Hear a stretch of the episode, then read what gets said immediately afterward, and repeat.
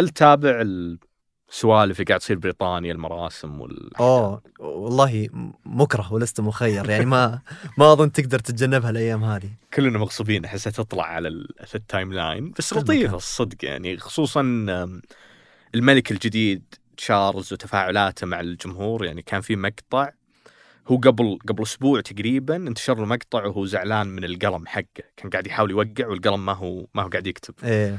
فيحاول يهزه كذا زعلان وانتشر المقطع والعالم علقت.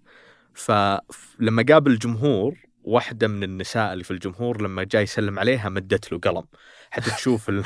تشوف الحرس حقين اللي إيش قاعد تسوي. إيه. فأخذ القلم منها قالت له هذا احتياطا يعني على أساس اذا احتجته. فأحس كذا في هذا التواصل التواصل اللطيف. ترى لطيف بس في ناس يعني ما هم طايقينه من بدري كذا. يعني في في نفس اليوم هذا اللي أخذ فيه القلم.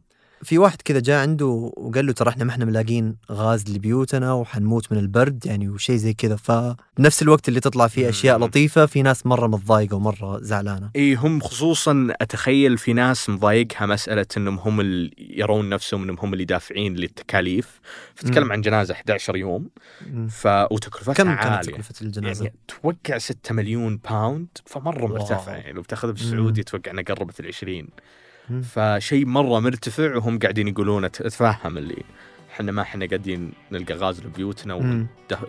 وضرايبنا قاعدة تدفع لهذا لهذا الجنازة.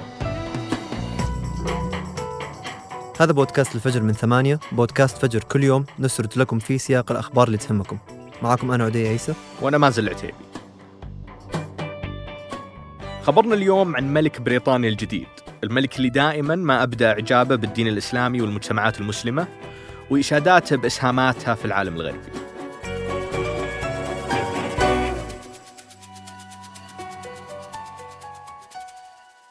أقامت بريطانيا يوم الاثنين مراسم تشييع الملكة إليزابيث بحضور مئات من قادة وممثلي الدول.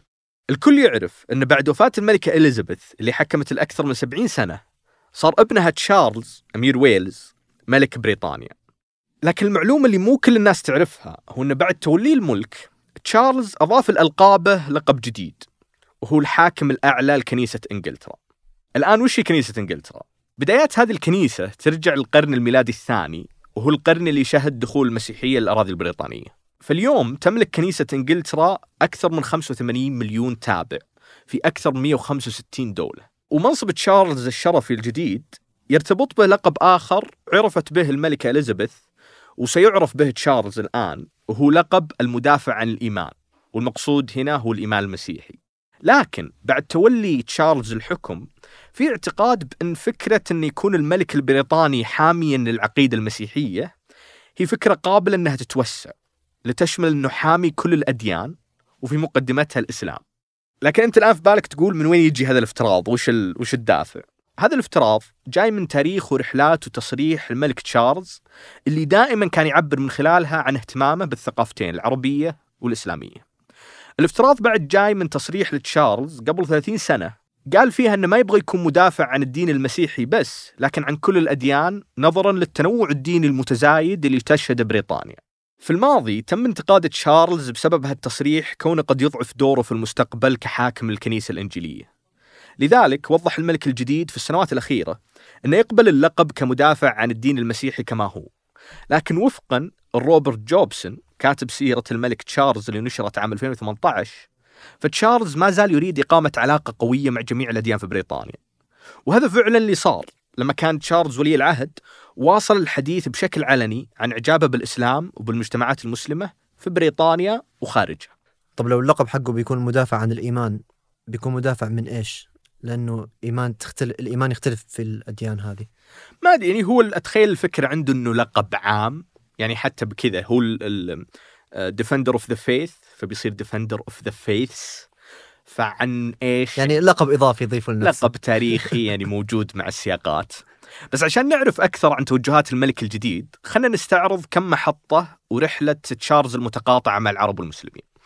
تشارلز يحب اكتشاف الثقافات الأخرى. ولأنه كان يبغى يتعرف على الإسلام أكثر ويقرأ القرآن قرر أنه يتعلم اللغة العربية. هذا الشيء خلى كثيرين يعتبرونه أكثر الملوك الإنجليز معرفة بالإسلام والأكثر تعاطفا معه في تاريخ النظام الملكي الطويل. طبعا شغف الملك بالثقافة الإسلامية أثار تساؤلات عن سبب هذا الاهتمام وإحنا جبنا لكم الإجابة على لسانه. يقول تشارلز أن الأمر بدأ من خلال اهتمامه بالعمارة الإسلامية وشغفه الشديد بالمآذن والقباب وروعة القصور الإسلامية فضلا عن البهاء الذي يحيط بالمساجد في العالم الإسلامي وخارجه. طبعا في ناس يقولون هو دبلوماسي بالفطرة لازم يكون لبق في تعامله مع الجميع لأنه راح يكون ملك فأكيد أنه بيمدح. وهذا صح. لكن في مواقف كثيرة لتشارلز مع المسلمين تحسسك أن علاقته بثقافتهم فعلا علاقة استثنائية تتحدى المصالح والتقاليد العادية. من هالمواقف هو دفاع الملك عن الإسلام حتى في وسط أعتى موجات الإسلاموفوبيا اللي هي معاداة وكراهية المسلمين. في واحد من خطاباته الشهيرة في عام 1993 وهو الخطاب اللي يتناول الإسلام والغرب وبناء الجسور بينهم قال تشارلز ما يربط عالمينا أقوى بكثير مما يفرق بيننا المسلمون والمسيحيون واليهود هم جميعا أهل الكتاب. وحرفيا استخدم هذا المصطلح people of the book. وأيضا من آرائه السابقة اللي ما أعلنت هو رأي ورد على لسان جوبسون كاتب سيرته اللي قال إن تشارلز متعاطف مع الفلسطينيين اللي يعيشون تحت الاحتلال الإسرائيلي وانه كذلك عارض قيود اللباس المفروضة على النساء المسلمات في مختلف البلدان الأوروبية. ولو بنتكلم عن الأشياء الملموسة اسس تشارلز في عام 2007 مؤسسة اسمها موزايك تقدم برامج إرشادية للشباب المسلمين في جميع أنحاء المملكة المتحدة ودعم رسميا مركز أوكسفورد للدراسات الإسلامية. وفي واحد من خطاباته عام 1993 يعني قبل ما تشتد حملات العنصرية والإسلاموفوبيا قال الملك تشارلز في العالم يوجد ما لا يقل عن مليار مسلم وما يقرب من مليون هنا في بريطانيا وما زال مجتمعنا المسلم ينمو ويزدهر لعقود. يوجد في بريطانيا ما يقرب من 500 مسجد وما من شك في أن الاهتمام الشعبي بالثقافة الإسلامية في بريطانيا يتنامى بشكل سريع أي أن الإسلام موجود من حولنا في كل مكان ومع ذلك يبقى الشك ويبقى الخوف طب الحين هو إيش هدفه من هذا الكلام كله بما إنه هو ما هو مسلم أصلا يعني شوف هدف تشارلز من خطاباته وعلاقته مع المجتمع المسلم هو لفت نظر المجتمع الغربي إلى سوء فهمه وجهله بطبيعة الإسلام. مثلا الملك الجديد يشيد بالمجتمعات الإسلامية في الماضي وسهاماتها في الحضارة الغربية. في خطاب في عام 93 قال إن قرطبة في القرن العاشر كانت المدينة الأكثر تحضرا في أوروبا. وقتها كانت قرطبة تحت الحكم الإسلامي. وذكر أن ال 400 ألف مجلد في مكتبة حاكم قرطبة أكبر من عدد كتب جميع مكتبات أوروبا مجتمعة. لكن تشارلز ما اكتفى بالاطلاع على الثقافات الإسلامية والعربية من بعيد. هو زار عدة دول عربية منها مصر عام 2006 وهناك راح الأزهر وألقى خطاب. قال فيه بما معناه أنهم في الغرب مدينين لعلماء الإسلام لأنه بفضلهم حفظت الكثير من الكنوز الثقافية خلال العصور المظلمة في أوروبا. إعجاب تشارلز بالإسلام ما هو محصور على الدور التنويري اللي لعبه المسلمين في الماضي. هو يصر أن الإسلام كدين عنده شيء يقدمه للغرب. في أحد خطاباته قال بوضوح أن الإسلام يمكن أن يعلمنا اليوم طريقة للفهم والعيش في العالم.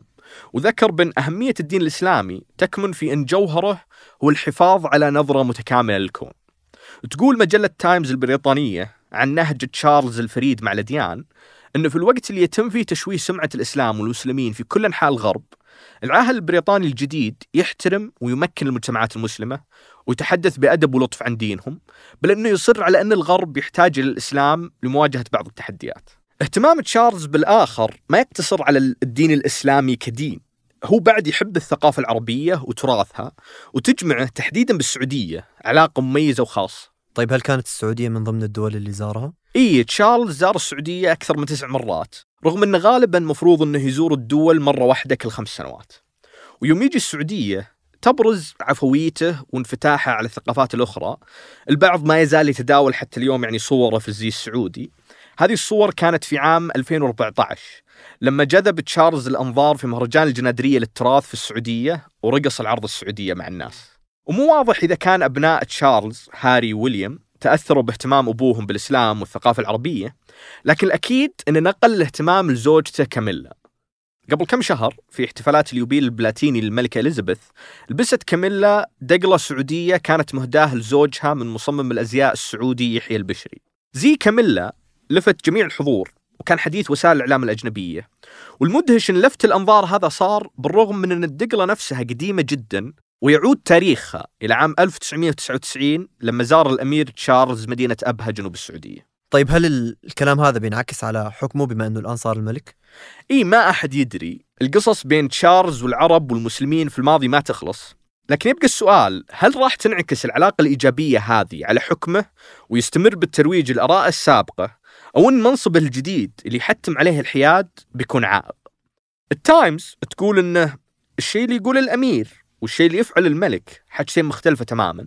لكن في الوقت اللي تتعود بريطانيا فيه على ملكها الجديد بيتعود العالم على وجود زعيم دولة غربية ينظر للإسلام من منظور مختلف تماما عن منظور الموجات الشعبوية في أوروبا وفي أمريكا. طيب عندنا الحين خبرين على السريع. الخبر الأول هو وفاة سجين في واحدة من السجون الأمريكية. قد رفع قضية العام الماضي يقول فيها أنه تعرض للتعذيب عن طريق الاستماع لأغنية بيبي شارك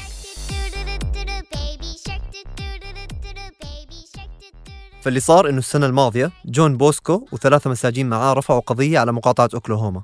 يقولوا في هذه الدعوة إنه في أواخر عام 2019 اثنين من عناصر الشرطة كبلوا أياديهم ووقفوهم عند جدار وخلوهم يسمعوا أغنية بيبي شارك بصوت عالي ومتكرر ومتواصل.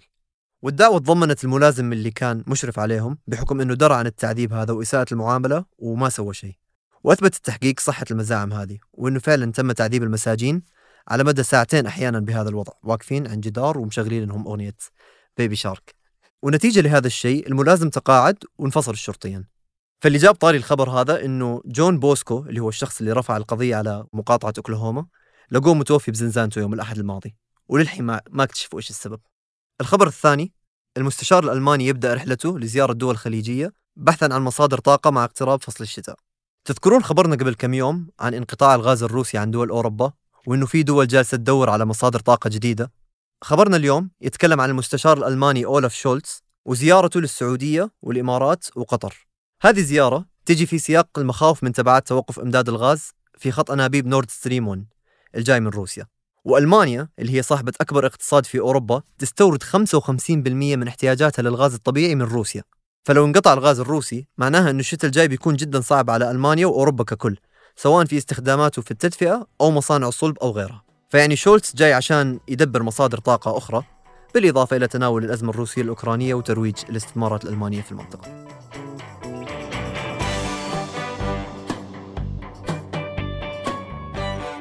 أنتج هذه الحلقة حسين إسماعيل وعيسى نهاري وقدمتها أنا مازل العتيبي وأنا عدي عيسى. وحررها محمود أبو ندى. نشوفكم بكرة الفجر.